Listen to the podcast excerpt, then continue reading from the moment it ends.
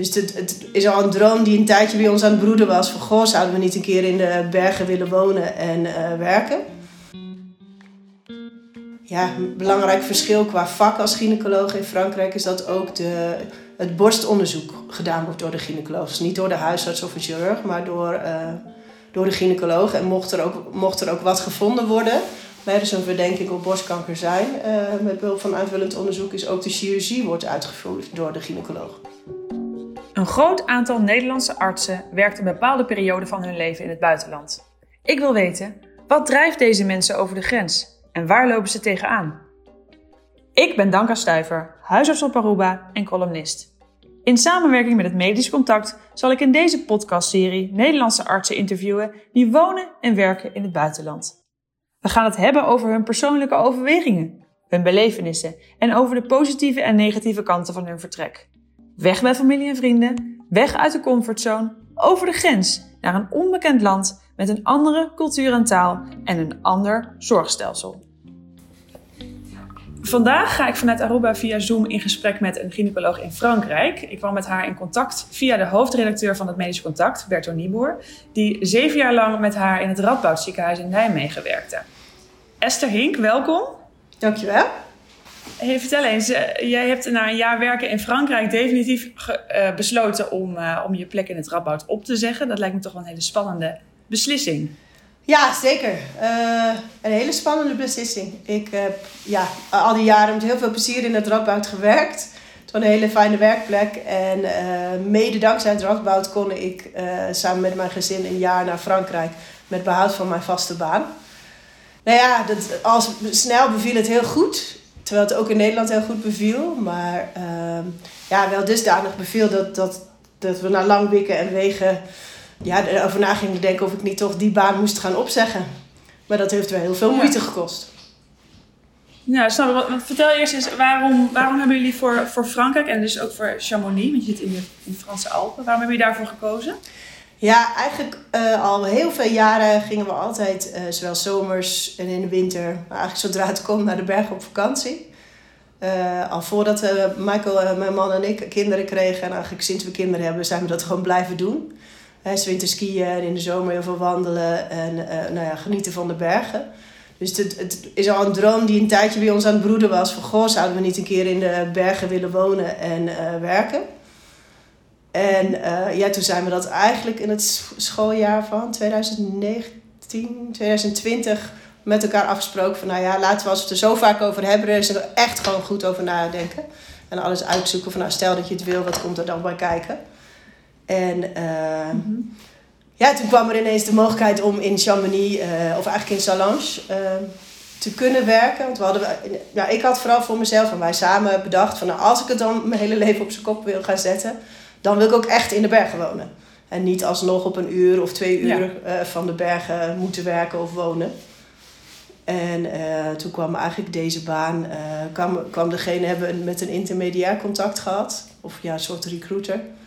En die kwam met een baan in Salange aanzetten. Toen dacht ik eerst nog van, ah, Salange zal ook wel weer ver, verder rijden van de bergen zijn. Want had al een paar keer eerder opties gestuurd die dan toch nou ja, anderhalf, twee uur rijden van de bergen waren.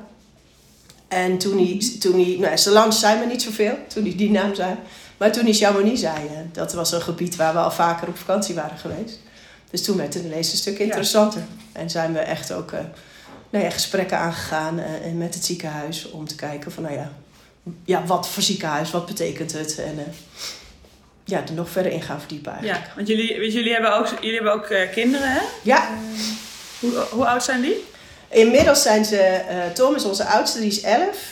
Die is net 11 geworden en Liz, onze jongste, is 9. Eind december 9 geworden. Ja, ja, ja dus die namen wij in onze droom mee. Uh, dus ja, dat, precies, dat, ja. dat maakt het ook wel ja, een grote beslissing om hun van hun vertrouwde. We, we woonden ja, met heel veel plezier in Nijmegen. En die haal je wel uit hun vertrouwde omgeving, van vriendjes, school. En uh, neem je mee om ja, onze, mijn eigen dromen waar te maken. Nou, we komen straks nog even terug natuurlijk bij jullie gezin en het gezinsleven ook uh, daar. En we gaan het eerst even hebben over hoe het is uh, om als gynaecoloog te werken in, uh, in Salange in Frankrijk. Ja.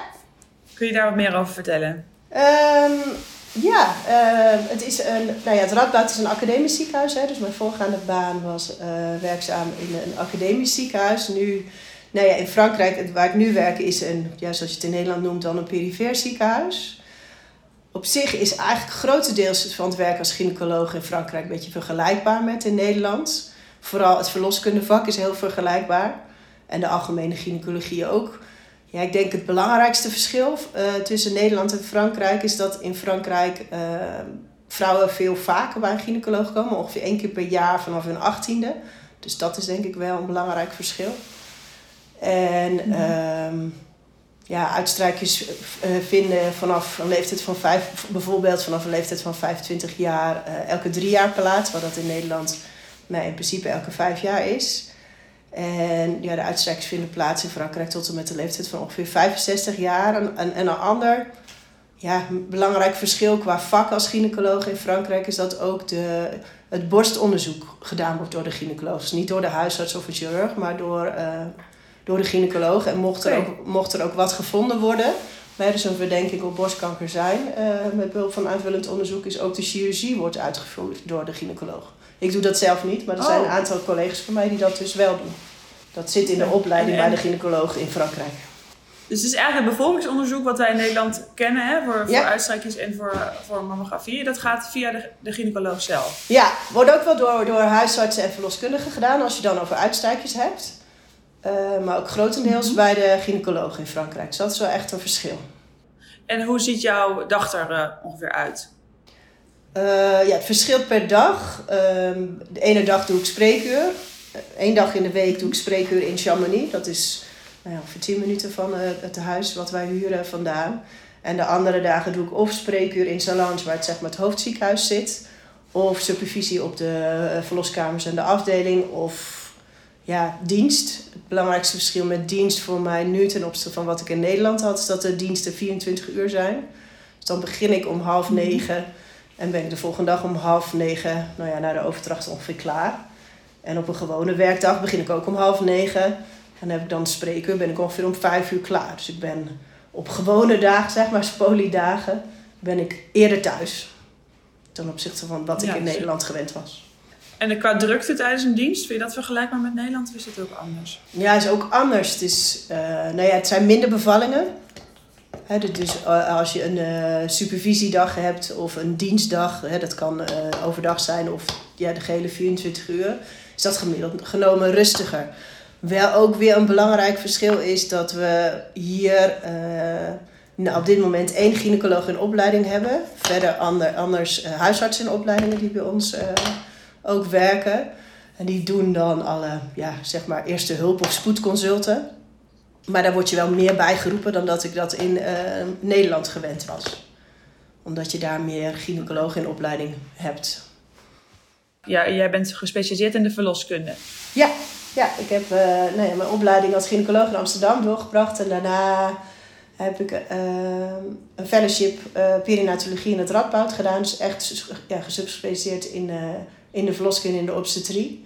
En dat, eigenlijk gebruik ik dat nog steeds, ook hier in Frankrijk. Mijn hoofdmoot is nog steeds de verloskunde. Dus het grote deel van mijn spreekuren zijn verloskunde. Maar zijn ook echoscopisch onderzoek tijdens de zwangerschap. De 20 weken echo, 13 weken echo.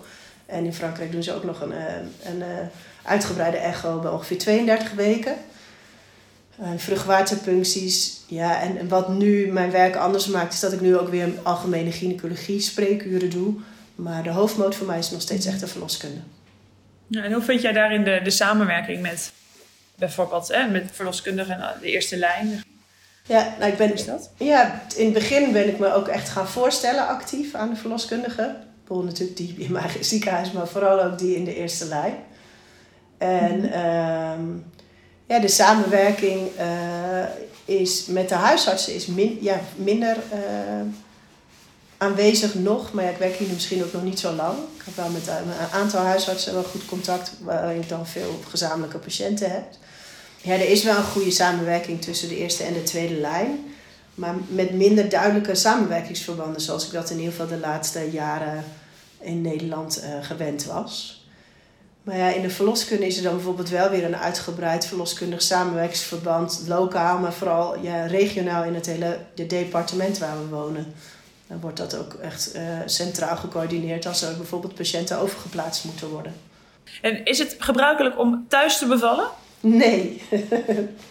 nee. Het komt wel eens voor, maar uh, lang niet zoveel als dat we dat in Nederland gewend zijn. hoe, hoe bevalt het jou in, in dit ziekenhuis? Als je het vergelijkt ook met het Radboud, wat je natuurlijk heel goed kende. Hoe, hoe, hoe, voel je je daar, daarbij? Nou, inmiddels voel ik me heel erg op mijn plek. Maar in het begin was het wel uh, ja, wennen. en uh, überhaupt een, een nieuwe werkplek. En ook het uh, werken in een andere taal. En nou ja, weer een beetje letterlijk en figuurlijk je weg vinden daarin. Kijk ik naar nou ja, gewoon de, de invulling van mijn vak. Ja, haal ik nog net zoveel voldoening uit patiëntencontact als wat ik dat in Nederland ook deed. En merk je dat dat gelukkig heel snel en eigenlijk vanaf het begin best wel goed ging ook met de taal. Daar was ik in het begin heel erg benieuwd naar van nou, hoe is dat? Hè? Kan je wel ook ja, de hele persoonlijke vragen die je toch ziet in de gynaecologisch spreker of verloskundig spreker wel gewoon stellen. Maar ja, dat lukt eigenlijk wel goed. Dan merk je dat mhm. taal daar toch niet zo... Ja, wel belangrijk, maar ook weer niet. dat, dat non-verbale, dat lukt ook in een ander land gewoon goed. En ja, qua hiërarchie eigenlijk uh, niet. Of nou, zo goed als nauwelijks de lijntjes dat het een perifeer ziekenhuis is. Ik denk dat dat het verschil is met dan mijn laatste werkplek, het Radboud, een academisch ziekenhuis. Zijn de lijntjes gewoon heel kort, misschien korter dan in een academisch ziekenhuis. En ja, wordt er getutoreerd eigenlijk op alle niveaus. Ik, ik ken je de anesthesisten, de andere arts gewoon bij de voornamen. Zo noem je elkaar ook in de wandelgangen. En uh, in mails naar elkaar toe. En, en net zei je, je hebt 12, 1200 tot 1500 bevallingen per jaar in het centrum waar jij werkt. Hm. Zijn bevallende Franse vrouwen nou veel anders dan bevallende Nederlandse vrouwen? nou, op zich, over het algemeen is het bevallen hetzelfde. Um, ja. hè, en, en het bevallen het merendeel gewoon uh, vaginaal. En is het gelukkig ook hier, uh, of in ieder geval dit ziekenhuis, het is ook denk ik in Frankrijk afhankelijk waar je werkt, uh, een lager percentage keizersneders. Uh, dus de manier van bevallen qua vaginaal versus keizersnede of kunstverlossing is helemaal niet anders. Maar nou, waar ik in het begin en eigenlijk nog steeds heel erg aan moet wennen, dat er, ondanks dat ongeveer 80% van de vrouwen een epiduraal heeft tijdens de bevalling, qua pijnstilling, er wel even goed nog heel veel geluid bij maakt. Hè. Er wordt flink geschreeuwd uh, tijdens de, laatste fase van de bevalling, tijdens het persen. En nou ja, misschien hadden ze bij het bouwen van het ziekenhuis de deuren iets geluidsdichter moeten maken. Of is dat dan mijn nuchtere Hollandse inslag dat ik denk, nou, dat kan met best wat minder geluid. Maar ja, dat is wel een duidelijk verschil. Ja. ja dus iedereen uh, kan op de... Ben ik dan toch een beetje Frans? Ja. ja. ja, precies. Misschien ben ik dan een noord En nog andere verschillen... Ja, precies. Ja. Zijn er nog andere verschillen die je opvallend vindt uh, bij, bij de bevalling? Nou ja, een ander wat, uh, wat ik een mooi verschil vond, en uh, nou, wat ik al heb doorgesluist aan mijn uh, Radboudiaans collega's, is dat hier bijvoorbeeld als na de bevalling veel bloedverlies is, of de moederkoek de placenta niet loslaat, dat de vrouw nu niet naar de operatiekamer hoeft om die te verwijderen, maar dat de anesthesist naar de verloskamer komt. Dus dat de vrouw gewoon bij haar partner en haar baby kan blijven. En de pijnstilling, hè, de, de anesthesie dan op de kamer wordt gegeven. En het dus ter plekke wordt gedaan, eigenlijk, mits de vrouw natuurlijk stabiel is. Ja, en, en nog belangrijker verschil ook, dat vond ik in het begin, uh, nou, shockend is een groot woord, maar dat de verloskundigen die ja, manuele placentaverwijdering doen. Nou, dat is in Nederland niet zo. Oh. Ja, dus ik ben wel zo, dan werd ik erbij gebeld, hier in het begin. En dan was de verloskundige dat al aan het doen, in een OK-jasje. En dat ik bijna zei van, wat doe je nu? Maar ja, daar zijn ze hier in Frankrijk voor, uh, voor, opge voor, opgeleid. Dus dat is ook wel een belangrijk verschil. Ja, maar dat vind ik wel een mooi verschil die ik uh, denk dat wat dat in Nederland ook zou kunnen, is wel patiëntvriendelijker, denk ik. Als het gewoon veilig qua bewaking kan. Ja, want het levert niet meer complicaties op. Nee, nee, niet dat ik hier zie. Oké, laten we even, even terugschakelen. Uh, het is ook voor de luisteraar natuurlijk wel belangrijk om, om iets meer te snappen van het zorgstelsel in Frankrijk. Kun je daar iets meer over vertellen? ja, ehm, ja, wat opvalt is dat het eigenlijk een heel uh, solidair of heel sociaal uh, zorgstelsel is. En eigenlijk, ja, iedereen die hier woont, zelfs mensen die hier tijdelijk wonen, kunnen daar gebruik van maken. In deze omgeving zijn veel mensen die hier tijdelijk ja, in het seizoen, zoals nu in de winter, wonen. En in principe kan je daar uh, gebruik van maken. Dan moet je er hoogstens, hè, dan heb je niet je. Ze hebben ze niet een officieel verzekeringspasje. Ja, pasje, maar dan kunnen ze toch los gewoon wel afspraken maken. En dan is het hoogstens dat er wat meer kosten bij komen kijken. En uh, ja, dus iedereen kan eigenlijk van dat ja, solidaire zorgstelsel gebruik maken. Zowel in het ziekenhuis als zelfstandige instellingen. Of sorry, zelfstandige praktijken. En grotendeels wordt het vergoed. Zeker als je dus echt uh, ingezeten inwoner bent van de, de omgeving. Dan heb je een kaart vitaal. Ja, ik denk dat dat vergelijkbaar is met het ziekenfondspasje zoals we dat voorheen hadden. En mhm. daarbij zijn de meeste mensen nog aanvullend verzekerd. Wat betekent zo'n aanvullende verzekering voor een patiënt? Nou ja, aanvullend is bijvoorbeeld, nou ja, zoals ik dat dan ken eh, in, in Nederland, hè, als je, uh, dat je extra uh, fysiotherapie of uh, aanvullend verzekering, dat je een wat luxere kamer in het ziekenhuis of in een particuliere instelling kan kiezen. Dus, dus dat je een soort je type kamer kan upgraden. Ja, ik denk dat we dat voorheen een beetje de particulier versus ziekenfonds, zoals we dat ja, in, de, in het ziekenhuis hadden, dat je daarmee kan vergelijken.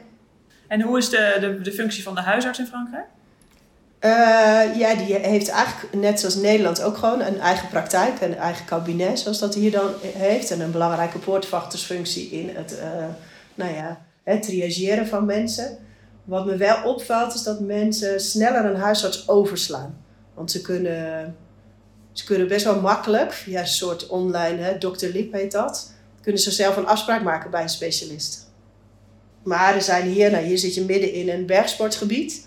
Dus er zijn ook wat ook wel weer mooi is dat er hier groepspraktijken van huisartsen zijn die dan naast de reguliere huisartsenzorg ook wel echt gespecialiseerd zijn nu in de, in de traumazorg. De wintersporttrauma's of in de zomer de mountainbike trauma's. Met een eigen röntgenmogelijkheden op, op zeg maar de huisartsenpost. Of de huisartsenpraktijk. Ja, en net zei je dus patiënten kunnen rechtstreeks naar de specialist gaan. Heeft dat voor hun dan geen consequenties in de zin van uh, vergoedingen bijvoorbeeld? Uh, nee, als ze, ja, wel als ze het dus op eigen houtje doen, hebben ze dan toch iemand, ja, klinkt een beetje gek, een huisarts of uh, iemand anders ge bereid gevonden om een verwijsbrief, dat heet hier dan een ordonnans te schrijven, dan, dan niet. Dan wordt het vergoed. Maar hebben ze niet, die niet, doen ze het op eigen houtje, moeten ze wel meer zelf betalen. Ja, maar dat houdt ze niet tegen. Nee, nee blijkbaar vinden, vinden mensen het fijn om sneller een afspraak te kunnen maken. En wat betreft het, het, het, publieke en het private systeem, kun je daar iets over vertellen? Ik kan me voorstellen dat de gynaecologen ook uh, ja, in, in, het een of in het ander werken, of misschien het combineren. Ja, ja dus dit, uh, nee, ik, ik werk dan in het publiek, hè, dus ben echt in loondienst van het ziekenhuis. Maar er zitten in uh, het, ziekenhuis waar ik dan één keer in de week werk, in Chamonix daar werken ook uh, ja, een, een gynaecoloog met, met zijn eigen praktijk. En die doet dat nu helemaal gewoon voor zichzelf. Echt alleen zijn eigen praktijk, waarin hij echo's maakt, kleinere ingrepen doet. Uh, zoals colposcopie bijvoorbeeld en echoscopisch onderzoek tijdens de zwangerschap. Mm -hmm. En over het algemeen, als mensen privaat werken hier als gynaecoloog of ander, andere medisch specialist, doen ze dat alleen. Eh, maar er zijn er enkeling, ik weet van een aantal internisten die het combineren met deels dan een eigen praktijk te hebben en deels ook nog diensten voor het ziekenhuis doen. Dus het kan wel gecombineerd zijn. En voor mij is het vooral de keuze geweest dat ik het heel fijn vind om in een team te werken.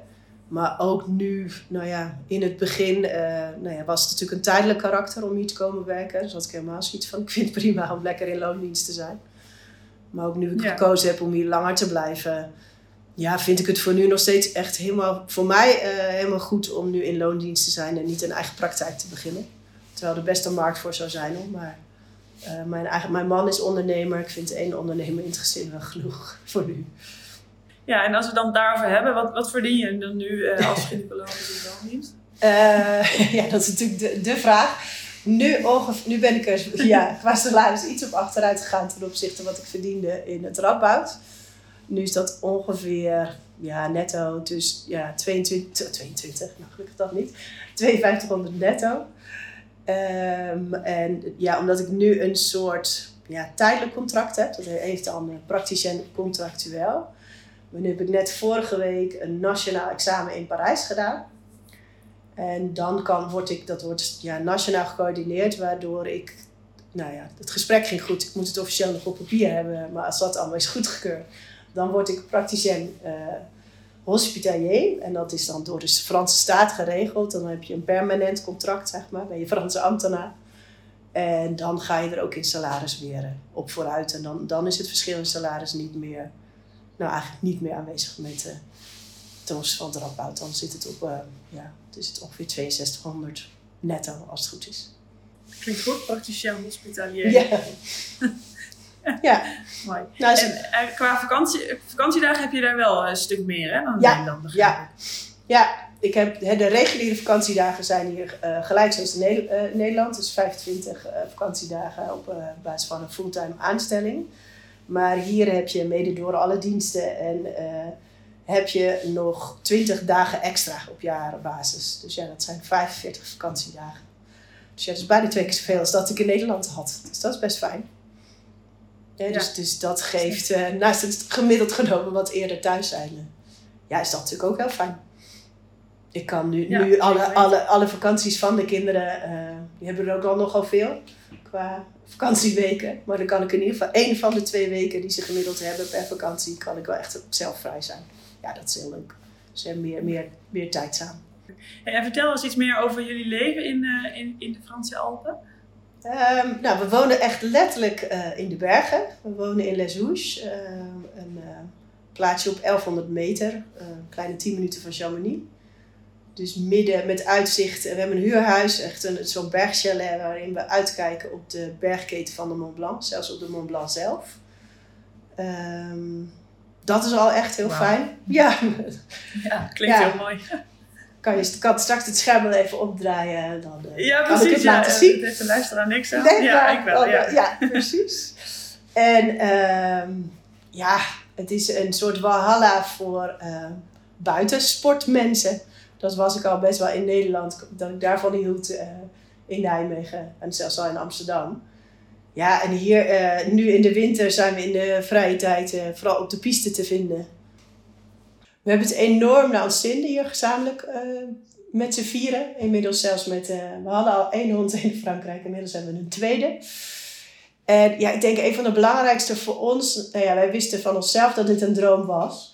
Maar onze zoon Tom zei eigenlijk na twee maanden al dat hij niet meer terug wilde naar Nederland. Nou ja, dat, daar ja. hadden wij en ik me best wel zorgen over gemaakt. Van hoe is dat voor de kinderen? En als je aan hem dan ja, vroeg van ja, maar hoe, waar zit dat dan? Nou, dan is het de leuke dingen die, die we veel meer samen doen. We brengen veel meer tijd samen door. Maar ook wel ja, dat hij zich gewoon hier veel meer op zijn plek voelt. Uh, ja, omschrijft het zelf dat, dat hij gewoon minder druk, minder, ja, wij vertalen dat dan, minder de red race ervaart. Uh, dat hij nog meer zichzelf kan zijn. En uh, nou ja, in zijn geval kan hij ook echt de sporten doen die hij fantastisch vindt. Klimmen, wat hij al in Nederland deed. Maar ja, dat kan je hier dan naast binnen ook fantastisch buiten doen. En in zijn geval verder mountainbiken en freeride skiën. En als ik dan naar mijn dochter kijk, ja, die, is, die is hier aan het kunstschaatsen, aan het skiën. En in de zomer ook aan het mountainbiken. Dus ja. Een mooie plek voor kinderen. Ja, ja. Ja, ik denk concluderend, ja, wat maakt het nou zo mooi? Ja, ik denk, we, maken gewoon, we brengen nog meer tijd met elkaar door dan dat we in Nederland al deden. Het is moeilijk om te omschrijven, ik vind het een soort magische plek. En die, die ik het best gewoon eigenlijk kan omschrijven als ik het gewoon mensen kan laten zien. Dus ik nou, kom vooral langs, zou ik zeggen. En uh, ja, het, het, de combinatie tussen een, evengoed een hele leuke baan en een... Okay. Uh, ja, kom, kom kijken. En uh, ja, een hele leuke baan op inhoud. En uh, ja, voor ons de rust, de ruimte en het scala aan sportieve mogelijkheden die hier zijn. Veel, Klinkt goed. Ja. En jullie kinderen, Tom, Tom en Liz, die gaan naar de lagere school daar? Ja, ja die zijn ja, dus inmiddels wat ik zei, 11 en 9. Die zijn vanaf januari afgelopen jaar meteen hier naar een Franse basisschool gegaan in het dorp zelf, hier in Les Houches. En dat is een, een, ja, een openbare basisschool, officieel gewoon een Franse basisschool. Maar deze omgeving, ja, deze vallei, uh, de Chamonix-vallei, is eigenlijk heel internationaal. Dus als ik kijk in hun beide klassen, is ongeveer 30% niet Frans. Dus nou, 60, 70% is echt Frans. En de overige zijn uh, Vooral Engelstalig, maar ook Nederlands, Scandinavische landen, Russisch, eigenlijk van alles. Allerlei talen. Ja. Spraken zij al Frans toen jullie daarheen gingen? Of hebben ze het daar opgepikt? Nee, nou, ze, ze, ze, spraken camping Frans. ja, dus een uh, oui, non, uh, croissant, dat soort dingen. Want we gingen wel regelmatig al naar Frankrijk op vakantie. Maar dat hebben ze eigenlijk, uh, ze hebben zowel Engels als Frans sinds we hier zijn opgepikt. Dus dat is indrukwekkend hoe snel dat gaat bij kinderen. Ja, die corrigeren ons nu al met ons Frans. Dus nou, op dat niveau begint het te krijgen. Ja. ja. En ze hebben wel langere schooldagen dan in Nederland, hè? begrijp ik. Ja, ja ze hebben hier, uh, ze gaan beginnen om uh, kwart over acht. En zijn pas om vier uur klaar. En dat doen ze uh, op maandag, dinsdag. En dan zijn ze op woensdag de hele dag vrij. En dan donderdag en vrijdag weer dezelfde lange dagen. Precies. Maar wat wel leuk... Je natuurlijk ook een warme maaltijd op school. Ja, precies. Ja, ja ze hebben ehm, nou, volgens mij, de Fransen ook in het ziekenhuis, maar ook eh, op scholen is de, de lunch of überhaupt de maaltijd is best wel belangrijk. Wordt ook als heel belangrijk geacht. Dus ze hebben een warme maaltijd en hebben ze zeker uh, hebben ze ruim een uur voor met nog een uur buiten spelen. Dus ja, ze maken lange dagen. Maar ook veel vrije tijd in de lange dagen. En uh, jij zei net even, mijn man is ondernemer, maar Mike, Michael heet hij? Ja. Is dat goed? Ja. ja. Hoe, hoe vindt hij het in Frankrijk? Uh, ja, die vindt het heerlijk in Frankrijk. Die voelt zich eigenlijk al, nou, zolang ik hem ken, uh, thuis in de bergen. En uh, ja, heeft een eigen bedrijf in Nederland, wat nou, sinds het begin van de coronapandemie, toen we gewoon nog in Nederland woonden, zich grotendeels al online afspeelde. En hij runt het Nederlandse bedrijf met twee partners. En uh, ja, het bedrijf heet met Logic in eigenlijk een uh, soort gamification en uh, teamcoaching en het ontwikkelen van applications. Eigenlijk, ze doen van alles met hun bedrijf. En ja, daarnaast mm coacht hij, dat doet hij ook al jaren, individuen en teams. Zowel in Nederland, maar vooral ook in de bergen en bij voorkeur in de bergen. Ja, dat kan hij natuurlijk ook heel goed. Dat heeft hij al jaren gedaan met, vrienden, met vrienden met wie hij samen een ander bedrijfje heeft met het bouwen van iglo's en teams meenemen, meenemen die dan zelf de iglo's moeten maken. En dus mensen nou ja, terug naar de natuur brengen om uh, ja, eigenlijk te, weer nader tot elkaar te komen binnen teams. En uh, ja, dat doet hij nu. Uh, coacht de individuen en ook teams langzaam steeds meer in deze regio.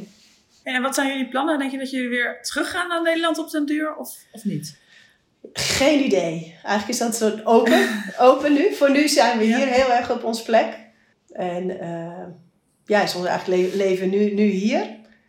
En uh, nog geen concrete plannen om, uh, om terug te gaan. We hebben zelfs ons huis in Nijmegen te koop gezet. Ook alweer een grote stap.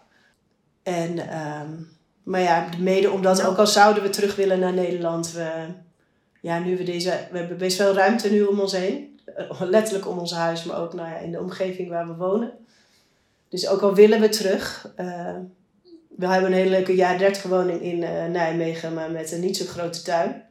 Dus ook al willen we terug naar Nederland, dan zouden we vrijer met meer ruimte om ons heen willen wonen.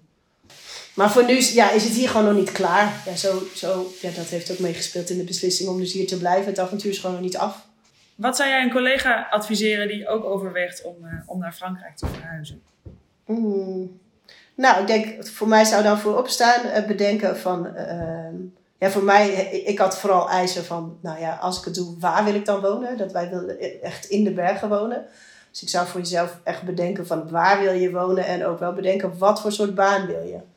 En op die manier dan of zelf of met, met hulp gaan zoeken. En ik zou er op tijd mee beginnen. Ja, ongeveer uh, ja, zes tot acht maanden van tevoren, denk ik. En, en goed bedenken ja, wat je zoekt in invulling van je leven en je werk. En ja, zo dan gaan zoeken. Ja. Ja. ja, jullie hebben dat met, met de hulp van een recruiter gedaan. Ja. Denk je dat dat essentieel is? Eh, of denk je dat dat ook wel zonder lukt? Ik denk dat het misschien zonder kan, maar dat dat wel veel meer gedoe zou geven voor jezelf. Het voordeel met, nou ja, wij hebben dan Maarten en Lonneke, uh, hulp van Maarten en Lonneke vooral. Ik heb vooral heel veel contact gehad met Maarten. En dat, die hebben een bedrijfje, het zijn Nederlandse mensen die zelf uh, heel wat jaar geleden naar Frankrijk zijn verhuisd. Uh, van work, Your Way to France. En ja, die kan helpen met het vinden van de baan en ook dus met het contact leggen met uh, een, een, ja, of, je, of je naar huisarts bent of medisch specialist om je ergens te, te vestigen. En kan je vooral ook helpen met de enorme papieren romslomp die erbij komt kijken. En, Ja, en, in mijn, en in mijn geval ook nog met eh, je klaarstomen nog meer voor het medische Frans. Oh, überhaupt voor je Frans. Ja. Ja, want heb je van tevoren heb jij dat eh, geleerd voordat jullie weggingen? Ja, ja, ik sprak al wel Frans, maar ja, ja dat is mede dankzij Maarten met e- één keer per week, eh, zeg maar, nou, net zoals wij nu samen zitten, dan via Zoom, één tot twee keer in de week, mijn Franse grammatica, het medische Frans, ja, nog veel verder klaargestoomd. Dat heeft me enorm geholpen in het begin en nu nog gewoon, zeg maar, in, in hoe ik gewoon prima kan functioneren als arts eh, in een Frans ziekenhuis. En, de banenmarkt voor, voor huisartsen en medisch specialisten, hoe is die in Frankrijk? Ja, die is goed. Toevallig heb ik net gisteren de eigenaar van ons huis gesproken. En ze hebben een hele tijd nog een veel strengere numerus fixus gehad in Frankrijk, zeg maar, tot de geneeskundeopleiding. Dus daarom is er echt een, eh, is er 25 jaar lang, eh, te, zijn er te weinig mensen opgeleid. En is er dus een enorm tekort aan artsen in Frankrijk. Ja, dus de Ja, banenmarkt, ja, is- zowel voor huisartsen als medisch specialisten heel goed. Maar je zou het dus wel aanraden aan eh, Ja, collega's. Ja, ik zou het wel aanraden.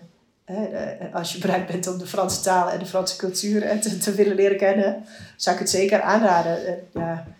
Hè, Het werk is over het algemeen hetzelfde. Eh, Ja, ik denk dat de secundaire voorwaarden nog eh, fijner zijn. Een soort, soort ja, gekscherend soort leven als God in Frankrijk. Mooi. Nou, dankjewel Esther. Alsjeblieft. Hiermee zijn we gekomen aan het einde van deze podcast. Dit keer met Esther Hink, gynaecoloog in de Franse Alpen. En de volgende keer ga ik in gesprek met Guido Jansen. Hij werkte als intensivist in Darwin, Australië, maar begon in Australië als flying doctor, wat een groot aantal van ons nog wel zullen kennen van de gelijknamige televisieserie. Heb je naar aanleiding van deze podcast vragen of tips voor mij? Mail die dan naar redactie.medischcontact.nl. En vanuit Aruba zeg ik weer, ajo!